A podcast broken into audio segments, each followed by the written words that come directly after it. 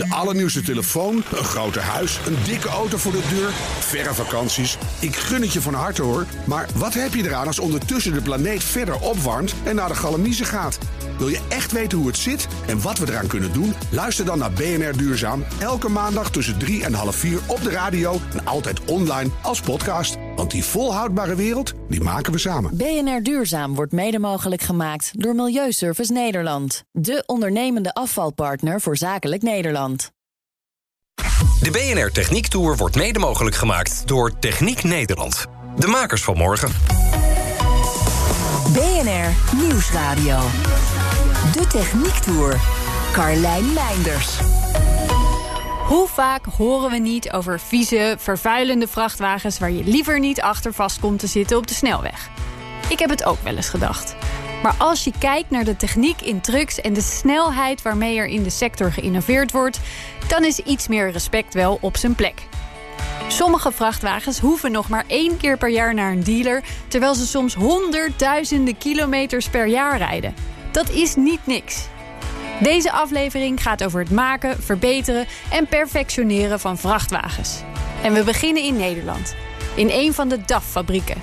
Om precies te zijn, in de plaatcomponentenfabriek, waar zo'n 650 mensen werken.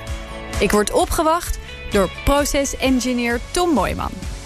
De plaatcomponentenfabriek die bestaat uit verschillende afdelingen. Dat is de uh, buigafdeling. Daar maken we onder andere uh, uitlaatpijpen en hydrauliekleidingen. Dat heet ook echt de buigafdeling? De buigafdeling, ja. ja. Uh, dan hebben we de afdeling universeel. Daar worden eigenlijk alle chassisonderdelen gemaakt. Ja. Die alles wat aan het truck wordt gemonteerd. Ja. Dan hebben we de, de perszaal. Waar onder andere ook chassisdelen worden gemaakt. Maar ook constructiedelen voor de cabine. Dan hebben we ook nog een lasafdeling. We hebben een color parts paint shop. Dus alles wat onder de cabine zit aan kleur doen wij ook intern spuiten. En dan hebben we ook nog uh, de onderdelen lakstraat. Het is gewoon een dorp. Dat is een heel dorp, ja. We gaan op pad. Eerste bestemming, de laserstraat. Wauw. Dit is in principe het uh, lasersnijproces. Wat we hier doen is 4 mm dik staal snijden. En je ziet hoe snel we daar doorheen gaan. Dat ziet er heel indrukwekkend uit. Wat gaat dat snel, joh. Ja. Kun je hier alles, alle vormen mee maken die je, je wil? hebt alle hele vormvrijheid. Dus je kunt uh, in ieder geval programmeren hetgene wat je zelf wilt uh, snijden. Ja. En dan ben je alleen afhankelijk van uh, de warmte die je in het materiaal brengt. Oké, okay, en, en qua materiaal, wat kan, wat kan er allemaal in? Wij snijden hier van 4 mm dik materiaal tot 12 mm allemaal. Omdat wij snijden hier met stikstof. Ja. Dat is smeltsnijden.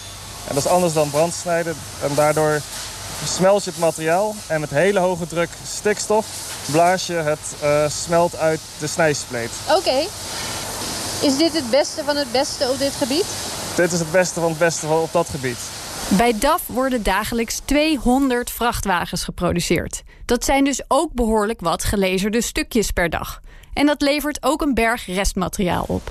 Het restmateriaal wordt normaal gesproken uh, naar de schot uh, verkocht. Ja. Uh, we hebben ook al een keer gehad dat we het verkocht hebben aan een parkeergarage in Den Haag. Ja. Of de afvalverwerking. En die hebben daar de gevel mee bekleed. Oké. Okay. dus ze hebben daar eigenlijk met onze restmateriaal hebben ze de gevel ja, mooi gemaakt. Gewoon DAF design. DAF design. en is dat iets waar jullie überhaupt veel op letten?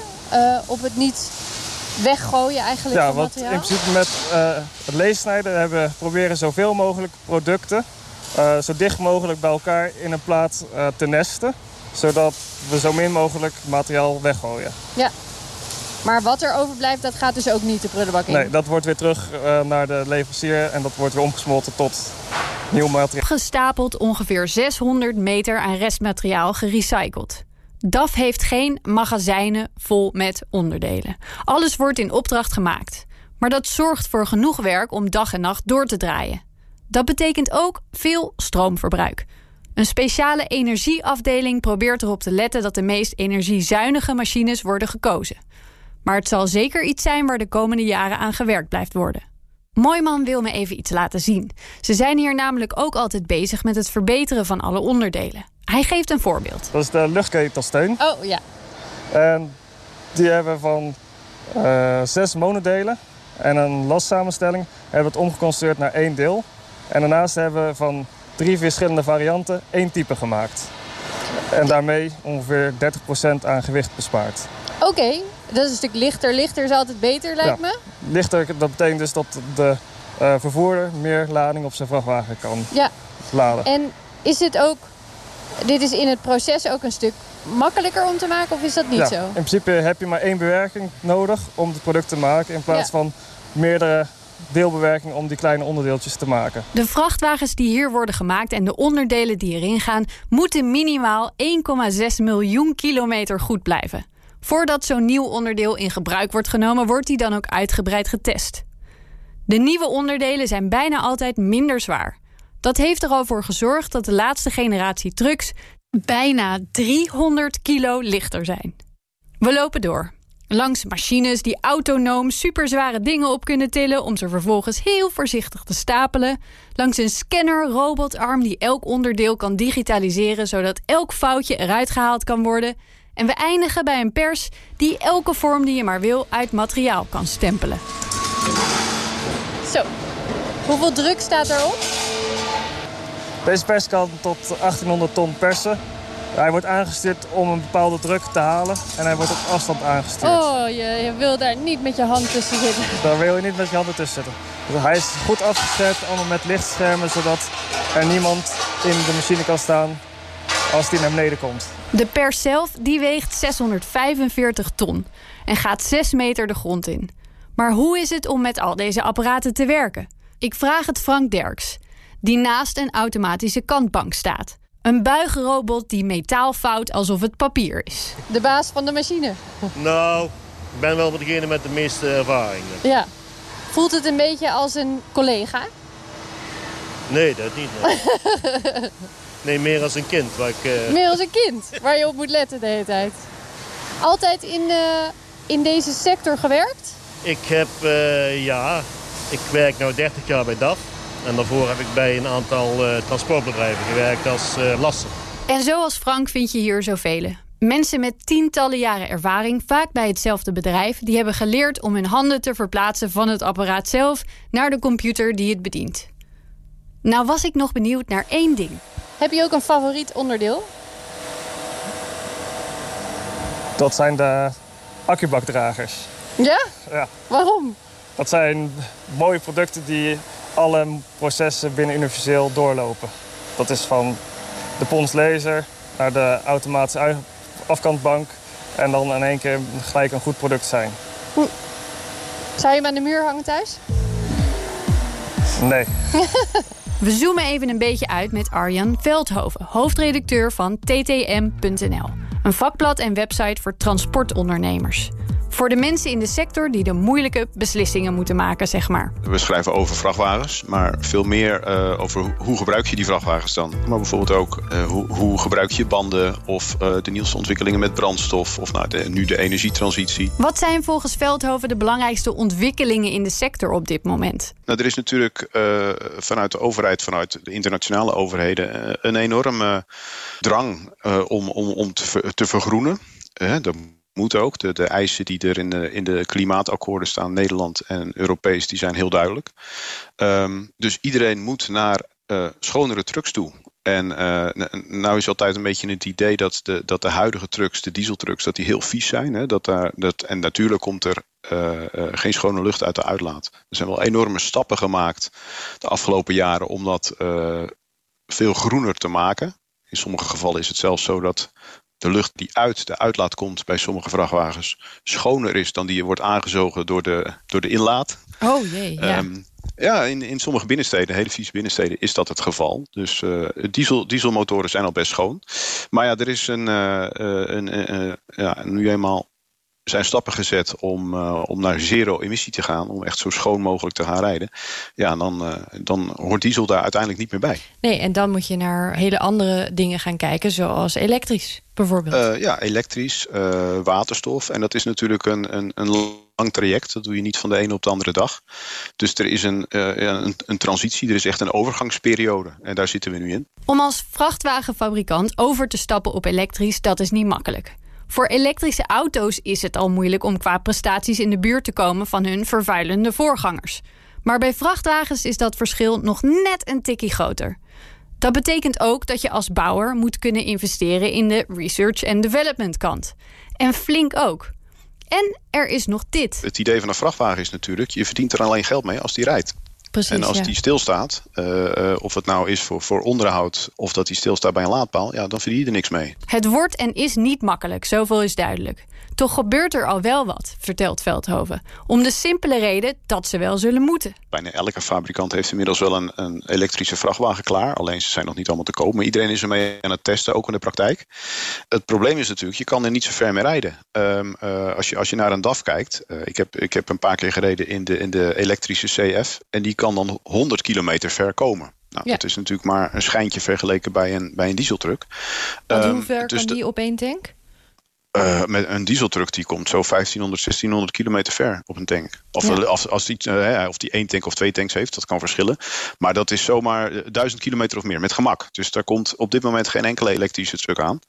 Uh, dus wil je, die, wil je een elektrische truck inzetten voor jouw werk, dat betekent dat die al voor lange afstand. Hè, je rijdt er niet zomaar even mee naar Milaan of, of waar dan ook naartoe. Dat, dat is gewoon niet mogelijk. Dus die, de proeven die er nu mee plaatsvinden, dat is allemaal hier lokaal in Nederland. bijvoorbeeld supermarktdistributeurs rijden daar nu mee. Die rijden van, de, van het distributiecentrum rijden ze naar de supermarkt en weer terug. Nou, en als je dat dan met 100 kilometer kan doen, is dat mooi. Wat, wat je ook ziet nu bij de, bij de, uh, de testen die er worden gedaan, is dat, er, uh, dat het werk zo wordt ingericht dat zo'n auto één of twee keer per dag kan laden. Dus dat je zegt van nou, ik ga eerst naar uh, supermarkt X en naar supermarkt Y. Uh, dan zet ik die auto eventjes aan een laadpaal bij een distributiecentrum of waar dan ook. En, uh, en vervolgens doe ik er nog twee ritten mee. En zo richt ik mijn planning in. Dat vraagt dus om een hele andere manier van werken. Hoe zit het dan met proeven met waterstof? Want daarmee kun je, zoals het er nu uitziet, wel die duizend kilometer halen. Het is natuurlijk altijd, zowel met, met elektriciteit als met waterstof, is het altijd het kip en het ei verhaal. Er zijn altijd fabrikanten die uh, als eerste een, een auto presenteren. En met veel trots en, en uh, meestal ook met, met behoorlijk wat publiciteit. Ja, alleen dan is de vraag van waar ga je zo'n auto laden of waar ga je tanken? En dat is met waterstof net zo. Er zijn nu al een paar projecten en fabrikanten die, die waterstoftrucks gepresenteerd hebben. Maar als, je, als je in Nederland en ook in het buitenland gaat zijn er maar een handjevol uh, tankstations waar je kan tanken. En dan heb je dus weer hetzelfde probleem. Je zou er bijna een beetje pessimistisch van worden.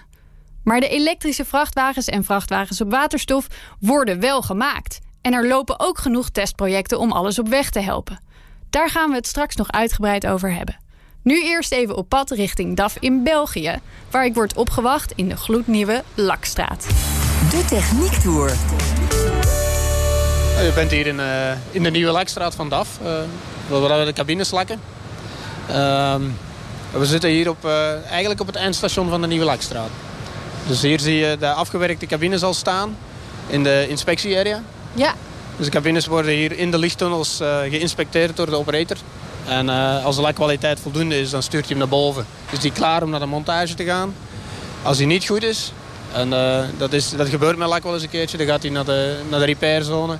En dan uh, gaan we hem bijtouchen en uh, zorgen dat hij op orde is voordat hij naar de montage gaat. Netjes. Misschien moeten we eventjes teruglopen naar het begin dan. Ja, dat is een goed idee. Dan ja. zullen we beginnen in het hart van het proces dan. dan ja. We moeten hier omhoog.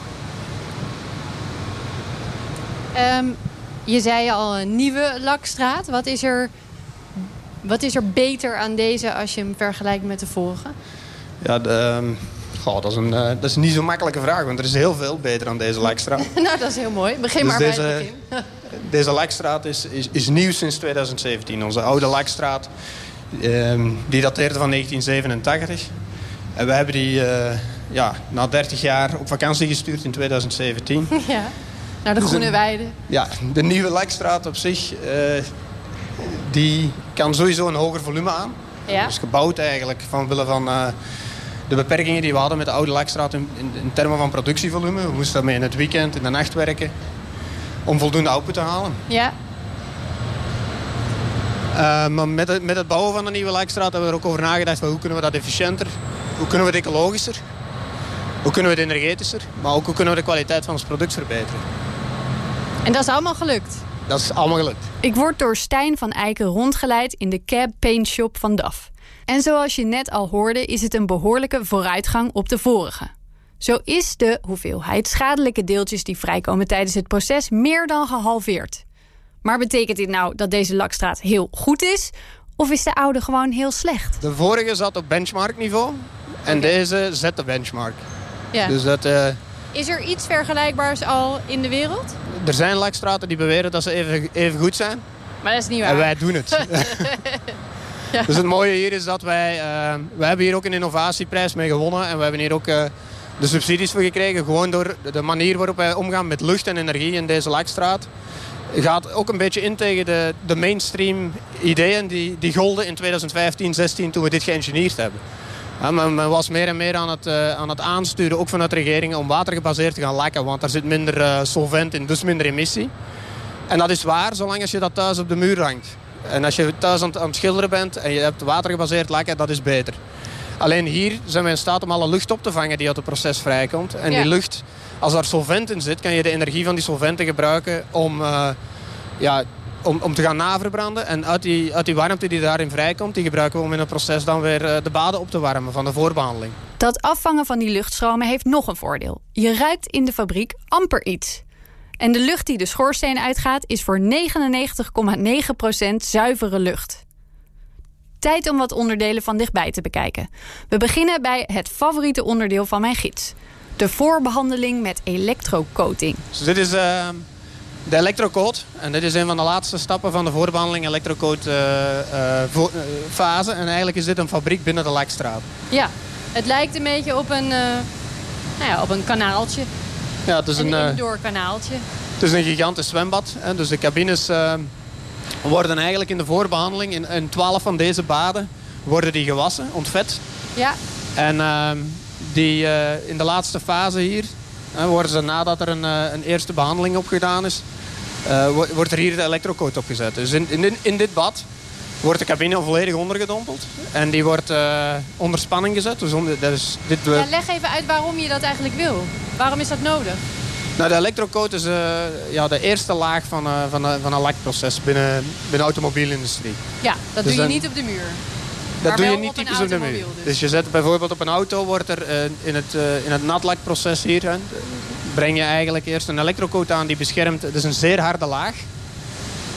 Oh, daar komt er eentje. En die zorgt voor de roestwerendheid van het voertuig. Juist. Nou, dus Daar deze cabine zie je hier nu ingaan. Het is een soort, eh, het is een beetje die wildwaterbaan in een pretpark. Je ziet hij gaat vooruit. Als je er zelf zou in zitten, dit ga je niet snel overleven. Er staat, er staat 400 volt op het bad. Oh, wauw. En er gaat 800 ampère Ja, aan het stroom zit ook door. goed eh, afgesloten allemaal. Terwijl de cabine ondergedompeld is, wordt hij heen en weer gekanteld. Zo gaan alle luchtbellen uit de cabine en blijft hij goed onder. Ook blijft de cabine boven het zwembad hangen tot hij helemaal is uitgedruppeld. Zodat er vrijwel niets van de coating verloren gaat en het gefilterd en hergebruikt kan worden. Het water dat overblijft, het afvalwater, is uiteindelijk zo goed gefilterd dat het schoner is dan het leidingwater dat de fabriek ingaat. Na deze spectaculaire coating gaat de cabine een half uurtje in de oven op 170 graden, waarbij de warme lucht van de oven ook weer wordt gebruikt om nieuwe aangezogen lucht voor te verwarmen. Op naar een van de volgende stappen in het verfproces. Je ziet hier, hier staan we nog eigenlijk in de, in de grote hal. We Ja. gaan nu dadelijk in de cleanroom omgeving. Dus we hebben eh, gekozen om zo weinig mogelijk zones echt cleanroom te maken. En te zorgen dat die plaatsen waar dat het echt geen stof mag zijn, dat is de plekken waar dat de robots staan en de laklaag aanbrengen, dat die ook compact gehouden worden. Dan is het ook het makkelijkst om daar de, het stof uit te houden. In een van de eerste stappen gaat de cabine door een luchtmes. Vergelijkbaar met wat winkels wel eens boven de ingang hebben hangen. Daarmee worden alle overgebleven pluisjes en haartjes eraf geblazen. Aan de rechterzijde heb je een, eh, een emu-borstelstation. Ja, En dat zijn effectief emu-veren. Het dat- zijn echt evenveren. Dat zijn echte emu-veren. En Het lijkt een beetje op een carwash. Ja, Dus de cabine heeft hier... waarom, specifiek deze veren? Emu-veren zijn, eh, zijn enorm statisch geladen en enorm goed in het eh, opnemen van stof. Dus het is een vrij klassiek ding. Het is niet anders dan die emu die je thuis hebt. Alleen is dit ding veel groter en zit het op een grote cilinder. Je bedoelt zo'n, eh, ik weet niet, een plumeau. Een plumeau, ja. Die hebben wij niet meer thuis hoor. En zeker niet eentje van emuveren. Ik heb natuurlijk even nagevraagd waar die veren dan precies vandaan komen. En er is mij verzekerd dat ze niet van levende emus af worden geplukt. Maar dat ze overblijven als het vlees wordt gebruikt. Misschien toch iets waar iemand een keer iets op moet verzinnen? We gaan verder naar de verfrobots. En dat betekent ook dat we zelf moeten ontstoffen. Dus dit is eigenlijk onze, onze robotzone. dus hier, hier, van hieruit controleren onze lakspecialisten de robots, zowel voor de primerlaag aan de linkse kant als hier aan de rechtse zijde voor de, uh, voor de laklagen. Ja, en ik zie ook een heleboel uh, computerschermpjes. Dus er gaat ook daar alweer een heleboel automatisch waarschijnlijk. Ja, ja dit loopt volledig automatisch. Dus eigenlijk deze mensen zijn voornamelijk uh, bezig met de robots aan de gang te houden. Ja. En te kijken dat, uh, dat alles vlotjes verloopt. Het is allemaal behoorlijk indrukwekkend. Op zo'n cabine gaat dus een elektrocoat, een primerlaag, dan nog een topcoat. Tussen elke beurt even in de oven en langs de inspectie. In 85% van de gevallen is er aan het einde van de rit perfectie. 15% moet nog even een beetje bijgewerkt worden. En elke kleur is hier mogelijk. Er zijn 3000 opties. De rondleiding zit er bijna op. Bijna. Nog één dingetje wat ik even wilde doen voor ik weer wegga. Je wil iets doen? Ja. Mag ik, mag ik een onderdeel installeren? Dat is geen probleem. Dan gaan we iemand zoeken. Goed, dan rijdt er straks gewoon een vrachtwagen met, met een Carlijn Touch rond. Eens kijken. En zo gebeurde het dat ik een DAF-dashboard in elkaar zette. Nou ja, ik deed een beetje mee met iemand die daar heel erg goed in is. Maar missie geslaagd.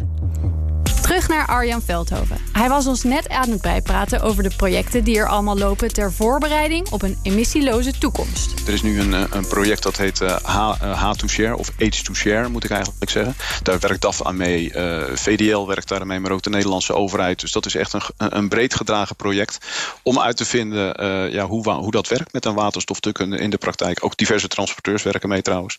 Dus na die elektrische trucks of naast die elektrische trucks is ook iedereen aan het werk met waterstof. Ze gaan de uitdaging gewoon aan. Ondanks alle beperkingen die er nu nog zijn. Nou is er nog iets waar veel over gesproken is de laatste tijd. Platooning. Waarbij meerdere vrachtwagens digitaal aan elkaar worden gelinkt in een treintje. In een ideale wereld uh, zou je hebben dat er een, een treintje aan vrachtwagens rijdt. Uh, laten we zeggen drie of vier. En bij de afslag komt er een, of de oprit, op de oprit komt er een nieuwe vrachtwagen bij. En die sluit aan. En dan uh, rij, je een, een tijdje achter elkaar aan. En dan gaat er weer eens eentje tussenuit en weer eens eentje bij. Maar ja, dat, dat, moet je organiseren. Uh, wie bepaalt wie in welk rijtje mag? De, de achterste vrachtwagens die hebben voordeel omdat ze uit de wind rijden en zeg maar elektronisch geregeld worden. Dus die hebben daar voordeel van. Maar de voorste, die moet zeg maar het treintje trekken. Die heeft de meeste luchtweerstand en dergelijke. Dus gaat die dan meer betalen dan, dan die auto's die achter hem? Dus dat zijn allemaal vragen die je moet regelen. De bottleneck is die planning. Want dan moeten dus een heleboel transportbedrijven, misschien wel alle transportbedrijven, gaan samenwerken. Een enorme klus, maar ook een precair evenwicht. Te veel samenwerken mag namelijk niet. Omdat de voordelen, brandstofbesparing, minimaal zijn volgens sommige fabrikanten, zeggen zij: wij stappen hier weer uit. Toch ziet Veldhoven ook hele nieuwe kansen ontstaan. Als je kijkt nu naar de concepttrucks van vrachtwagenfabrikanten, hè, die presenteren ze af en toe, dan zie je dat er een, echt een omslag gaat komen in de mobiliteit in uh, vooral steden. Wat je gaat zien straks is dat je een soort, uh, althans dat denk ik, een soort mobiliteit krijgt met voertuigen die zowel geschikt zijn voor goederenvervoer als voor personenvervoer. Je krijgt een soort elektrisch voertuig als een soort skateboard.